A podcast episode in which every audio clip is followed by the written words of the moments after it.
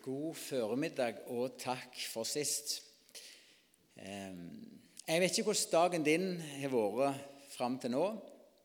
Min starta ganske fort litt ringt. Jeg driver jo gard og har en hel del melkekyr. Da hadde roboten stått i eh, mer eller mindre hele natt. Og Da er det første som ser på skjermen ute i i fjor så på PC-skjerm, det er bare rødt. Alle skyer har røde koder for de skulle vært melkte for lenge siden. Jeg fikk start på roboten, det begynte å melke, jeg gjorde stedler og kalver, skrapte alt sånt. Og så gikk jeg for å forberede meg. Og så ville jeg bare innom og sjekke at alt var i orden på vei ut her, og da sto roboten igjen. Så av og til så er det sånne små ting som vipper oss litt av pinnen eller gjør hverdagen ekstra utfordrende. Men jeg er så glad for at samme hva utfordringer eller ikke-utfordringer du har hatt i dag, så er du her nå. Eh, og Det at vi er her nå, det gjør at vi kan ha fellesskap i lag. Og det gjør også at vi kan få lov til sammen være i forventning og be Gud om et budskap som berører våre liv. For vi har hørt nok tale. Eh, det er nødvendig å tale, men vi må be Gud om velsignelse over det som sier, sånn at det kan berøre livet vårt. Kjære Jesus, nå ber vi ikke bare om eh, en inspirerende tale, eller nå ber vi om et åndens budskap. Vi ber om at du vil ta ditt eget ord og la det få nå våre hjerte og liv. Berør oss, Jesus, og la oss få det ett med det budskapet vi hører gjennom vår tro. I Jesu navn. Amen. Det er godt å være her tilbake igjen i misjonssalen. Jeg skal ikke si at jeg er onkel Sølve for dere, men eh, vi har hatt mye i lag, og jeg setter stor pris på den, eh, det forholdet som, som jeg har til dere. Jeg har også hatt gleden av eh, å høre fire taler fra Johannes' åpenbaring som dere har hatt til nå på nettet. Det har vært sagt mye godt, viktig, utfordrende, inspirerende. Og når, jeg, eh, når Svein Anton mailte til meg, så sa han det liksom at sånn og sånn, du kan se hva jeg tatt. Så svarte jeg bare ærlig tilbake jeg har ikke peiling på hva jeg skal ta, for det begynner å minke på ledige brev. Eh, og Da svarte han ta noe du er opptatt av, det trenger ikke være et brev. Så jeg tok han på ordet. Jeg skal linke dette inn til brevet og Johannes' åpenbaring, men dette er et budskap som har leid tungt på meg de siste månedene, så jeg skal dele med dere nå. I Johannes' åpenbaring møter vi en Jesus som kan ta pusten ifra noen og hver av oss. En, en Jesus som gjerne er litt annerledes enn den vi hørte mest om på søndagsskolen. Den vi tenker på når vi ser disse klassiske bildene av hyrden med lam på, på skuldrene. Eh, i Johannes' åpenbaring møter vi en Jesus som er den allmektige. Som er verdensherskeren, som er dommeren. Eh, og Utstråling av hans herlighet er så voldsom at i kapittel 6 så sier jordens konger og stormenn Når Jesus kommer tilbake, så sier de til fjell og bergkammerne fall over oss og skjul oss for vreden til lammet. Det er ikke noe sånn typisk vi tenker på når vi tenker på Jesus, at han kan ha en sånn fryktinngytende framtoning at mennesker vil ha fjell til å falle over seg i plassen for å møte ham. Og Selv den disippelen som hadde et ekstra nært forhold til Jesus Johannes, som er skrevet åpenbaringen, han falt som død til bakken. Han ble slått til bakken av utstråling av den herlighet og makt som Jesus som herre og dommer utstråler. Og Det er jo ikke ofte vi hører det talt over eller tenker på Jesus som en som vil spy en lunken kristen ut av sin munn. Eller Jesus som den som truer med å flytte lysestaken, ta det åndelige livet vekk ifra en forstander, en kristen, en menighet, hvis de ikke vender om. Så den Jesus som møter oss i åpenbaringa, han utfordrer oss. Vi får korrigert om du vil, litt vår forestilling av Jesus, hvem han er.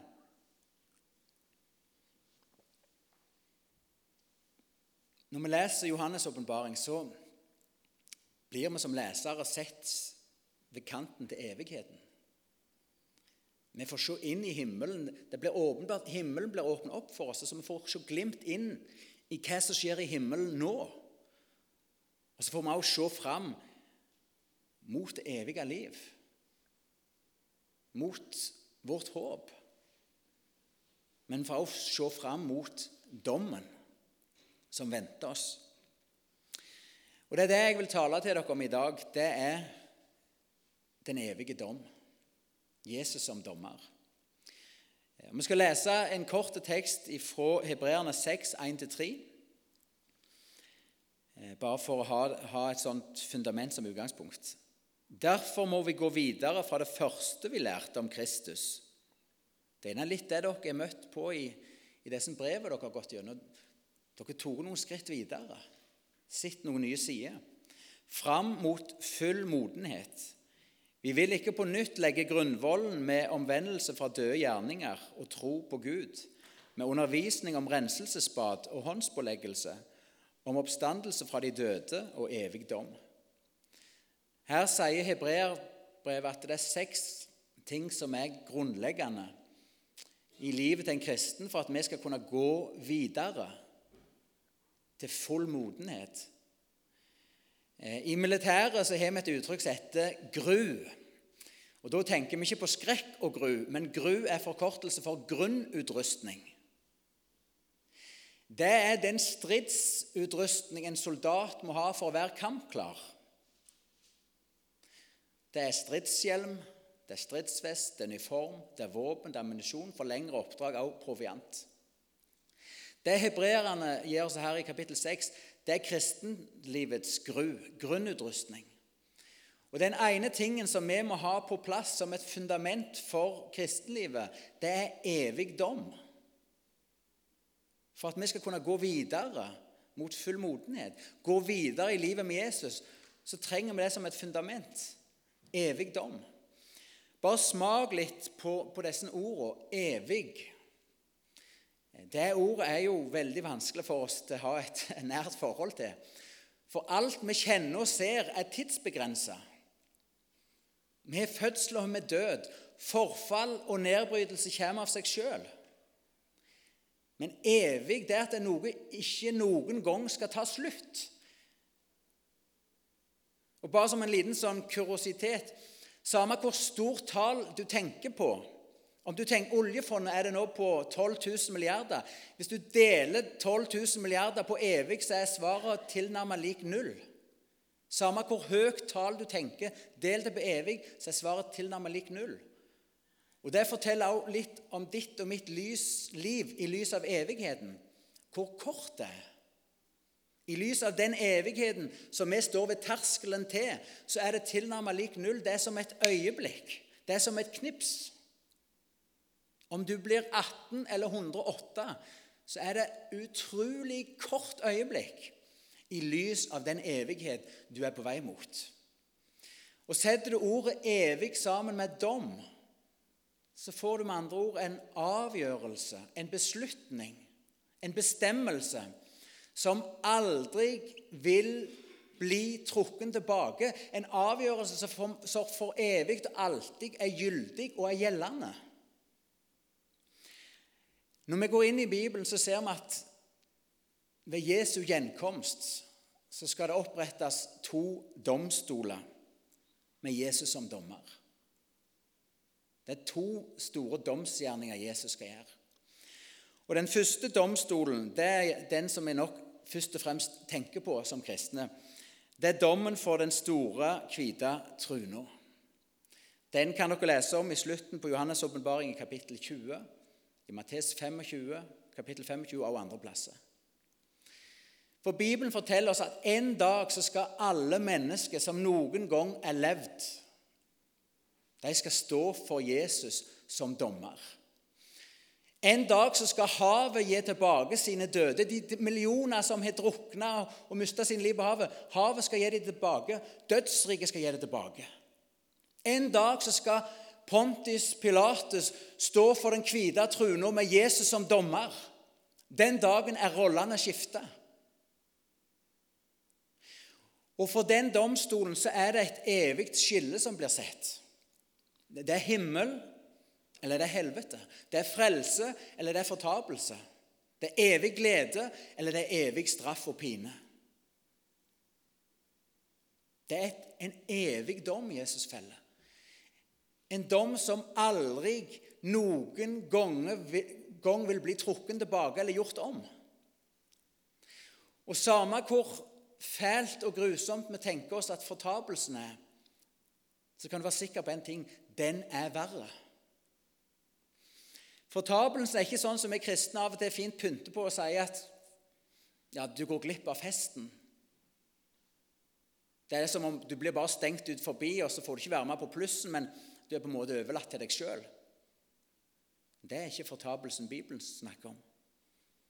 Fortapelsen er Guds straffeplass. Guds fengsel for syndere som ikke venter om i tide. Det er en evighet bestemt av Guds vrede. Ser vi hva som står på spill? En evighet i glede. En evighet under nåden. Eller en evighet under freden. Men Bibelen taler også om en annen domstol, hvor Jesus er dommer. Og Det er noe som, så langt jeg kjenner til, sjelden blir forkynt. Og Det er at vi en dag som kristne skal stå for Kristi domstol og stå ansvarlige for hvordan vi forvalter de talent og nådegaver som Gud la ned i vårt liv og i våre hender. Bibelen er veldig tydelig på at vi som kristne en dag skal stå ansvarlig for hva vi gjorde med Guds kall over våre liv. Med de oppgaver han la i dine hender. Vi skal lese noen tekster bare for å få litt ord på det.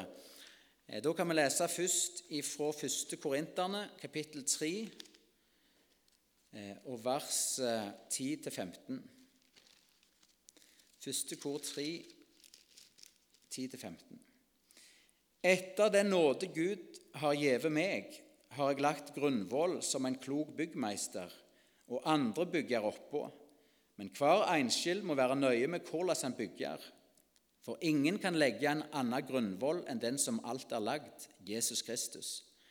Men om noen bygger på denne grunnvoll med gull, sølv eller dyre steiner, med tre, høy eller halm, så skal det en gang vise seg hva slags arbeid hver enskild har gjort. Herrens dag skal gjøre det klart. For den dagen blir åpenbar med eld, og elden skal prøve det hver enskild har gjort. Om det byggverk noen har reist, blir stående, skal han få sin lønn. Om det brenner opp, må han lide tapet. Sjøl skal han bli frelst, men bare som gjennom eld. Denne teksten lærer oss at en dag så skal din tjeneste, det verk du har gjort for Jesus, det skal bli prøvd. Hvis det blir stående, så skal du få din lønn. Hvis det går opp i ild, så skal du bli frelst, men du må lide tapet. Du mister den lønn som vi kan få eller miste på vei inn i evigheten. Så skal vi gå videre til Matteus 25 kapittel 25 og vers 14-30. Det er som da en mann skulle fare utenlands. Han kaller til seg tjenerne sine og overlot dem det han eide. Det er der vi er nå. Jesus har reist for å gjøre himmelen klar. Og så er vi hans tjenere som til hver enkelt har betrodd noe. Du har fått noe du skal forvalte. En gav ham fem talenter, en annen to og den tredje én talent, etter som hver dugde til. Så drog han ut av landet. Han som hadde fått fem talenter, tok straks til å handle med dem og tjente fem til. Han med to gjorde det samme og tjente to til. Men han som hadde fått én talent, gikk bort og grov et hull i jorda og gjemte pengene fra herren sin. Da det hadde gått ei lang tid, kom Herren hjem igjen og ville holde regnskap med tjenerne sine. Han som hadde fått fem talenter, kom fram og hadde med seg fem til og sa, Herre, du ga meg fem talenter. Se, jeg har tjent fem til. Da sa Herren til han, Bra, du gode og trugne tjener. Du har vært tru i lite. Jeg vil sette deg over mye. Kom inn og gled deg i lag med Herren din. Så kom han med to talenter fram og sa, Herre, du ga meg to talenter. Se, jeg har tjent to til. Bra, du gode og trugne tjener, svarer Herren. Du har vært tru i lite, jeg vil sette deg over mye. Kom inn og gled deg i lag med Herren din. Han som hadde fått én talent, kom òg fram og sa, Herre, jeg visste at du er en hard mann som hauster der du ikke sådde, og sanker der du ikke strødde ut. Derfor ble jeg redd og gikk bort og gjemte talenten din i jorda. Se, her har du ditt. Da sa Herren til han, du dårlige og late tjener. Du visste at jeg hauster der jeg ikke sådde, og sanker der jeg ikke strødde ut. Da burde du ha gitt pengene mine til de som driver med utlån så hadde jeg fått ei att med renter når jeg kom hjem. Ta de for talenten fra han, og gjev han til den som har tid. For den som har, han skal få, og det i overflod. Men den som ikke har, skal bli fratatt jamvel det han har. Kast den dugløse tjeneren ut i mørket utenfor, der de gret og skjær tenner. Om byggverket blir stående, skal han få sin lønn. Om det brenner opp, må han lide tapet. Sjøl blir han frelst. Det er viktig å si når vi skal se på dette. Bedømmelsen av din og min tjeneste, av det liv vi levde ut hans kall, det er noe helt annet enn dommen over våre synder. Der går vi fri på grunn av Jesu blod. Det som bedømmes for Kristi domstol. Det er tjenesten, livet du levde for Han, talenter, hva du gjorde med den nåde og nådegave som var lagt ned i ditt liv.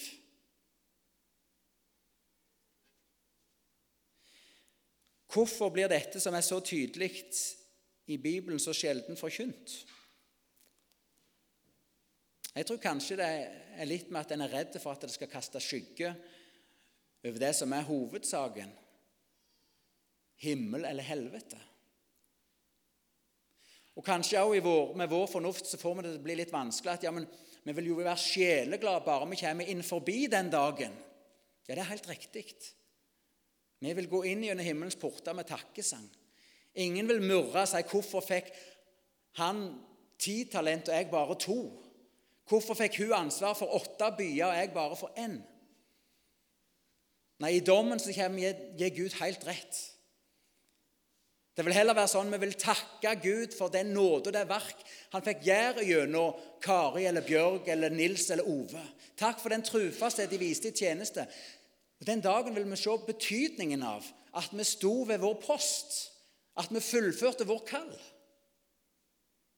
Jeg tror gjerne dette er noe av det som gjør at en ikke forkynner det. For vi får det ikke helt til å gå opp med vår fornuft at er det ikke nok å være frelst? Jo, det er mer enn nok. Det er mer enn noen av oss fortjente. Men allikevel så lærer Bibelen tydelig at det også er en dom, en bedømmelse av din og min tjeneste, av vår forvaltning. Og Da trenger vi å være klar over det. Da trenger vi også å ha det som et fundament for livet. Evig dom.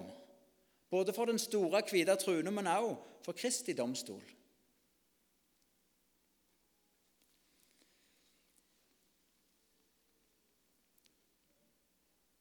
Å være en kristen er å være et Guds barn, høyt elska. Men det er også til å være en forvalter, en tjener som er betrodd nådegave og oppgave. Og Gud forventer truskap av sine forvaltere. Og Paulus sier sånn som det nok bare han kan si. Han sier jeg har arbeidet mer enn noen av de andre. Og hvem er det Paulus sammenligner seg med da? Det er ikke hvem som helst, jo, det er de andre apostlene. Det er ganske frimodig å si det. Jeg har arbeidet mer enn noen av de andre.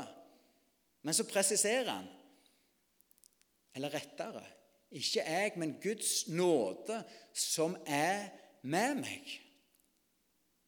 Med andre ord, i Paulus sitt liv så var det sånn at etter han var frelst, så fortsetter han å motta nåde og Det var ikke bare nåde som var tilgivelse for synd. Det var det òg. Men den nåde Paulus levde i og mottok og var bærer av, den fikk han til å arbeide.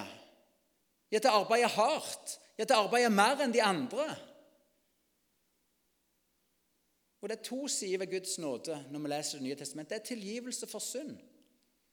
Men Guds nåde blir også en virksom kraft i en kristen til arbeid, til tjeneste, til et nytt liv. Vi har ikke bare fått nåde til å dø med Jesus og regnes som døde for synd, men også nåde til å leve et oppreist liv i tjeneste for Gud.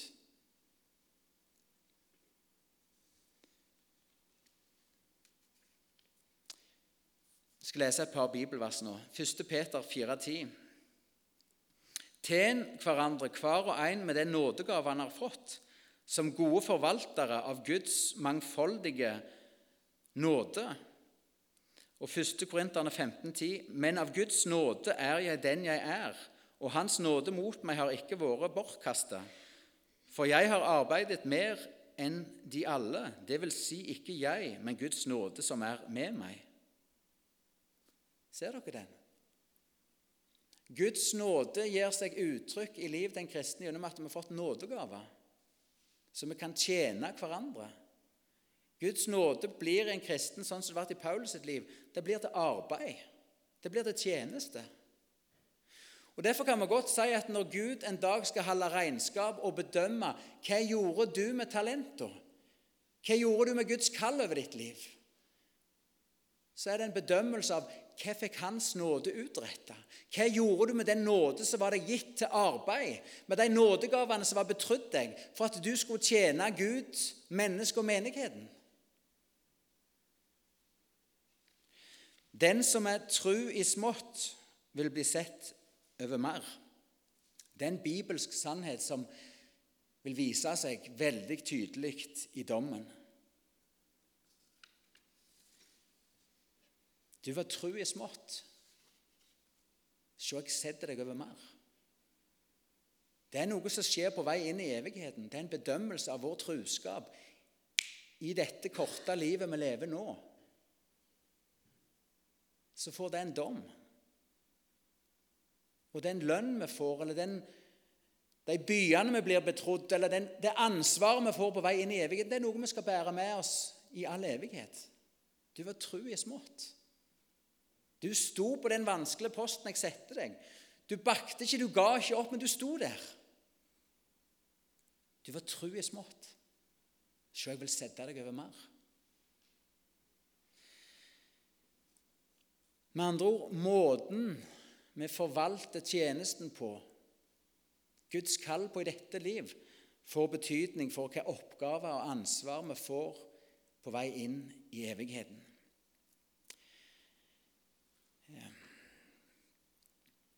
Noen vil kanskje prøve å sette denne bibelske sannheten til side med å trekke fram andre bibelske sannheter.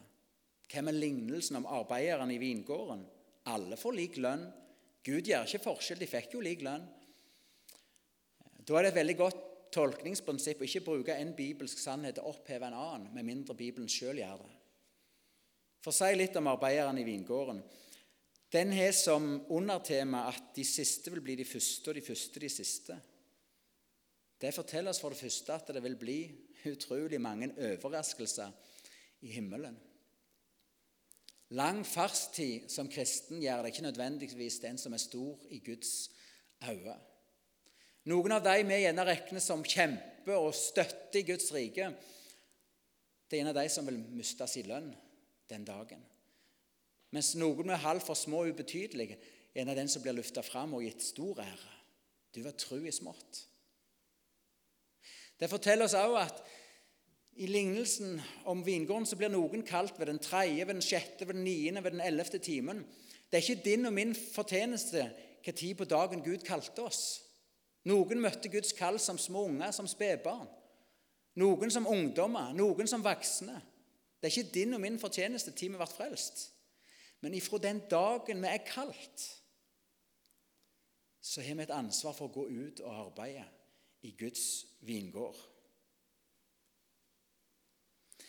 Jeg tror kanskje det er en sånn misforståelse, eller jeg vil gjerne bruke et så sterkt ord som vrangforestilling blant mange kristne om at alle gjør det samme i himmelen. Vi har en sånn forestilling om at alle har gjerne hver sin harpe, og alle synger, alle har hvite klær. Og mye av dette er sant og riktig, ikke misforstå meg. Men det er som om alt er likt hele veien. Det er helt flatt. Det er som vi forestiller oss himmelen som et nordisk sosialdemokrati, der alle har like stor innflytelse, én stemme hver. Men sånn er ikke himmelen. Og takk og lov for at himmelen ikke er et nordisk sosialdemokrati. Det er et kongedømme med Gud på truna, med maktstruktur, autoritet. De tolv apostlene sitter på sine truner. De 24 eldste sitter på sine truner. Det er forskjeller i himmelen, selv om alle er frelst av bare nåde. Det er ulike oppgaver, ulik grad av hvor mye du er betrodd i himmelen. Jakob og Johannes sammen med mora de kom jo og ville prøve å lokke ut litt av Jesus. Mora kom, og sønnen var sikkert hjertens enig, men kanskje sønnen mine får sitte på høyre og venstre side av deg i ditt rike. Det var jo til å spørre om en posisjon med høy makt og autoritet. Det er som å spørre kanskje de får være finansminister og utenriksminister i ditt rike. Hvordan var det Jesus svarte? Hold an, hold an. Dere har misforstått alt. Det fins ikke faste plasser i himmelen. Det fins ikke noe rang og myndighet. Det var ikke sånn Jesus svarte. Jesus sa, 'Der skal de sitte, de som min himmelske Far har gjort klar for.' Så la oss understreke dette. Det er forskjeller i himmelen. Selv om alle vil være jublende glade og er frelst av bare nåde. Noen er sett over mye, noen over mindre. Av en tjener forventes det truskap. Sånn er det jo også i dette liv. Det er jo ikke alltid vi i dette liv får som fortjent, men det er jo det normale at hvis noen er pliktoppfyllende, forvalter sine oppgaver godt, gjør det en ba dem om å gjøre, så ser vi at han eller hun kan bære det ansvaret. De kan bli betrodd mer. Og Sånn er det jo også for meg som bonde at hvis jeg skal reise på to ukers ferie eller tre ukers ferie, så setter jeg ikke den mest slarvete avløseren jeg kan komme på, til å ha ansvar hjemme. Jeg setter ikke han som alltid eller ofte eller som regel går forbi kua som ligger med melkefeber, for han er så raskt gjennom fjorden, han ser ikke hun som ligger der. Han som ikke får med seg kalven som var født oppe i, i hjørnet. Nei, jeg tar og setter den som har vist seg tilliten verdig og tok ansvaret tungt. Sånn er det jo ofte i, i dette livet at hvis du er pliktoppfyllende i det små, så kan du bære større ansvar. Og var det noe unaturlig om Gud en dag vil bedømme din og min tjeneste, vår truskap som forvaltere, hva vi gjorde med hans kall over livet, med de nådegaver, de talent som var lagt ned i deg, når de har så enorme betydninger for andre mennesker, for menigheten Trufast forvaltning bygger menigheten opp. Menigheten er jo som et legeme der hvis ett lem lir, så lir hele menigheten. Menigheten skal være i funksjon. Og Da må du og meg ha funnet vår oppgave. Og for at menigheten skal være i stand til å bære evangeliet ut, så må jo noen være villige til å gå, til å tale, til å gi, til å be for, til å sende. Med andre ord vår forvaltning av talenter, av Guds kall, det får evighetsbetydning for andre mennesker. Og var det da merkelig om Gud en dag vil gi en rettferdig og ærlig tilbakemelding med hvordan vi forvalter dette ansvaret, hvordan vi bar denne oppgaven? Tenk denne tanken. Dette er bare et lite tankeeksperiment. Du er 18 år, og du står på terskelen til ditt yrkesaktige liv. Du har signert en 50-årskontrakt med et firma, eh, og du har bundet deg til å jobbe for det firmaet så lenge du er yrkesaktiv. Det er én dag til du skal starte på jobb. Men den siste dagen før jobb det er en test, det er en hjemmeeksamen. Der du får visse oppgaver du skal løse. Og Det som er spesielt med denne hjemmeeksamen, det er at måten du løser disse oppgavene på, det avgjør hvilke oppgaver du får gjøre de neste 50 åra. Hvilke utfordringer du får, hvilke ansvar du får, hvilken lønn du får. Og Hvis det var et faktum at de neste 24 timene avgjorde 50 år i yrkeslivet, da ville vi vært på å tuppe etter å ha tatt ansvar, etter å verne om oppgaven, etter å løse den. Dere vet sikkert hvor jeg vil hen. Hvor mye mer bør vi ikke ta på alvor Guds kall og den oppgave som Han har betrodd deg og meg i dette korte liv, som i lys av evigheten er som et øyeblikk? For det skal også en dag bedømmes. Og det får betydning for all evighet, den dom som der felles. Det er ikke en frelse- eller fortapelsesdom, ikke misforstå meg, men det er en dom over deg og meg som forvaltere av Guds nåde. Hva har du i hånda di? Ja, Moses han fikk jo en stav å gå med. Gud la en stav i, i Moses' i hånd, så han skulle vandre med, som Guds kraft ville være virksom gjennom. Hva har du fått i din hånd? Hva talent er lagt ned i deg? Hva kaller over ditt liv? For når vi står der for Kristi domstol og skal få en rettferdig dom over tjenesten, over det kristne livet vi levde for Han, da vil vi ikke bli bedømt for alt mulig vi gjorde i kristelige sammenhenger. Men kriteriet vi skal bli dømt ut for, må jo være hva hadde han kalt deg til å gjøre? Ikke hva andre mennesker sa, men hva var det han kalte deg til å gjøre? Nådegaven er så forskjellig, og Guds kall over vår liv er også så forskjellige. Det er dumt å prøve å kopiere hverandre, men vi må trenge oss på Jesus hva er det du har kalt meg til? Hva har du lagt i min hånd? Det er veldig dumt å reise ut som misjonær til Mali hvis Gud ikke kalte kalt deg til det. Hvis Gud heller kalt deg til å drive den lokale søndagsskolen her i Sandnes. Det er fryktelig dumt å reise rundt som forkynner hvis Gud ikke gitt deg nådegave til å forkynne. Tenk så dumt å reise rundt som forkynner uten å ha nådegave til det. Hvis Gud heller hadde kalt deg til å starte en forretningsvirksomhet som han ville velsigne for at du skulle være en giver inn i Guds rike. En forvalter som kunne investere i prosjekt i Guds rike. Er dere med? Guds nåde er så mangfoldig, Guds kall er så forskjellig. Og det, det er du ansvarlig for, det er jeg ansvarlig for. Det er det Gud har kalt meg til. Så tror jeg vi har lurt i å tenke vidt om dette. Det er ikke bare sånn en bestemt oppgave. Men det er jo det livet som kristne har kalt oss til å leve, i tjeneste for Han. I heimen, på jobb i nabolag. Der du er.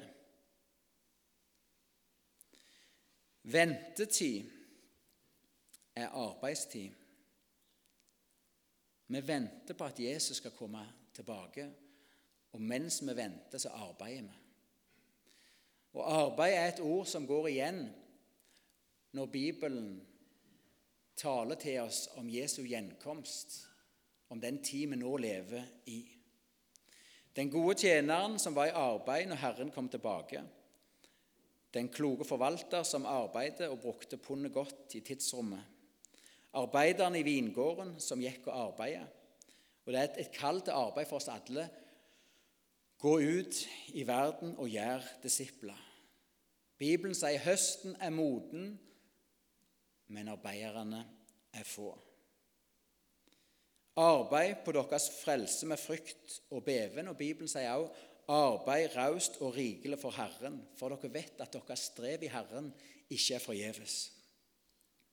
Med andre ord så er arbeid, tjeneste for Gud, et veldig sterkt fokus når Bibelen taler til oss om Jesu gjenkomst og ventetida fram til han kommer tilbake. Og sjøl for oss lutheranere så kommer vi ikke utenom appellen i Bibelens budskap. I lys av Jesu gjenkomst. Det er et kall til arbeid. Det er et kall til å tjene, et kall til å gå, et kall til å være virksom.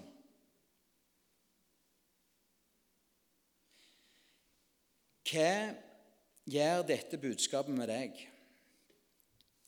Sannheten om evig dom. At Gud en dag skal felle en evig beslutning som aldri vil bli omgjort eller oppheva. Og konsekvensene for den som blir dømt, er enorme. Det er det store skillet for, nei, for, for den hvite troende. Det er en evighet i frelse eller fortapelse. Men også for oss, for oss som blir frelst gjennom den første dommen, så skal vi stå ansvarlige for tjenesten, for forvaltninga, for livet vi levde for Han.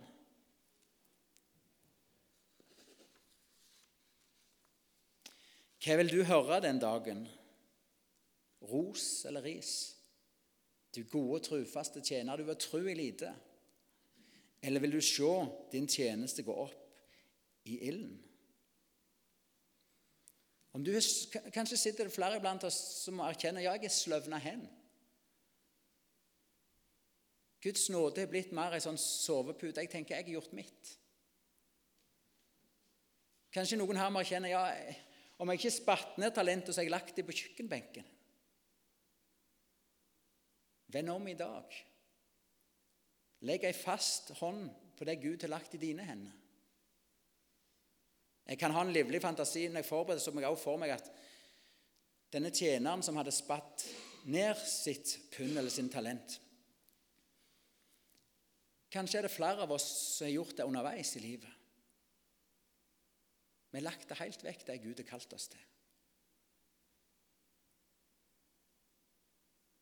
Kanskje noen i dag som sparer opp. Kanskje noen av dere i dag lever sånn som Jonah levde. Han sa nei til Guds kall. Kanskje du har rasjonalisert vekk det, det du innerst inne vet Gud har kalt deg til. Og så har du valgt en vei som du syns var bedre sjøl. En egen tjeneste. Kanskje Gud kaller deg til omvendelse i dag. Til å spa opp igjen det du har lagt ned. Til å gripe det han en dag la i din hånd.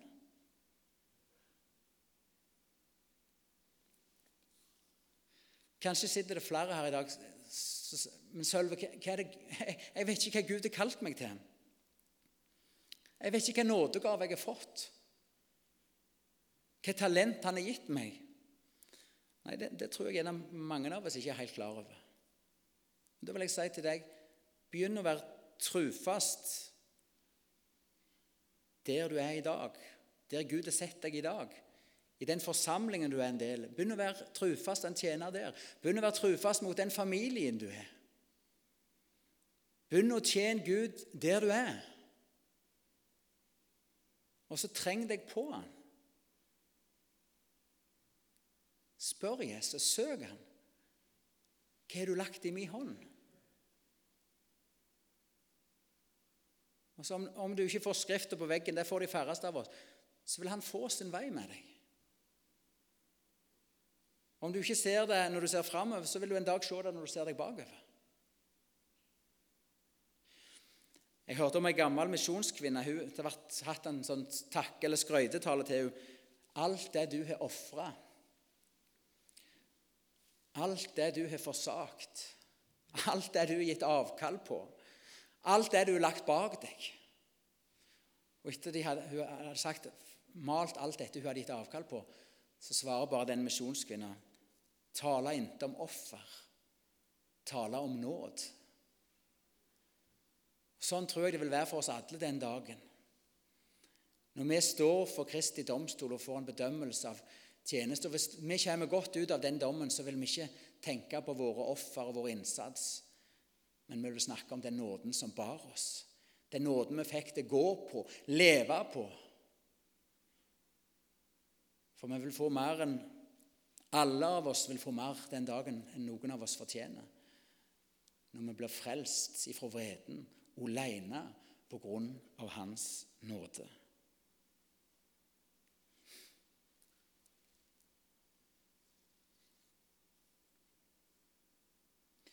Jeg tror at vi kristne, eller ikke tror jeg er overbevist om at vi kristne trenger budskap om bedømmelsen for Kristi domstol.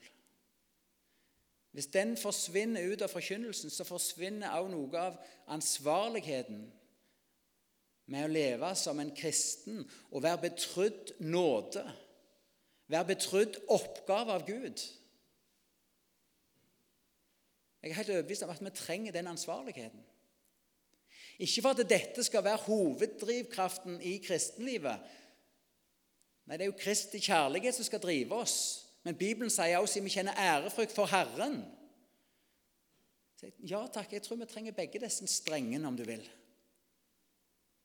Ærefrykten for den allmektige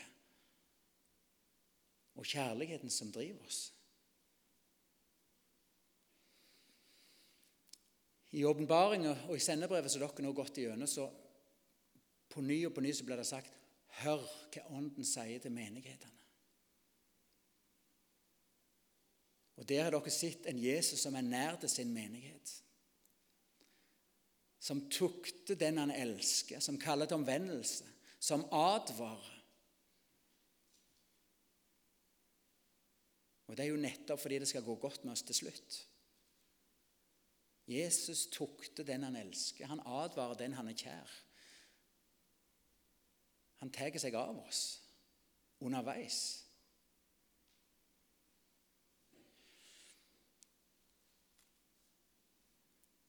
Dette budskapet er jo et budskap som dere kjenner fra så mange tekster. Tenk også på Johannes 15, der Jesus sier 'Jeg er vintreet, dere er greinene'. Bli i meg, så blir jeg i dere. Da bærer dere mye frukt. Men skilde fra meg kan dere ingenting gjøre. Det er jo det som er nøkkelen for å leve dette livet, for å forvalte den nådegave og kall Gud har på livet ditt det er det bli Jesus, leve nær til Han. For da bærer vi frukt. Og Så fortsetter jo Jesus å si men skilde for meg kan dere ingenting gjøre. Og hver grein som ikke bærer frukt, blir tatt vekk. Og Dere kjenner også budskapet fra Efeserne 2, 8-10. Der står det sånn litt fritt gjengitt For å nåde er dere frelst ved tro. Det er ikke deres eget verk, men Guds gave. Det hviler ikke på gjerninger, for ingen skal rose seg. Men så fortsetter det. Altså frelst av bare nåde, Guds verk alene.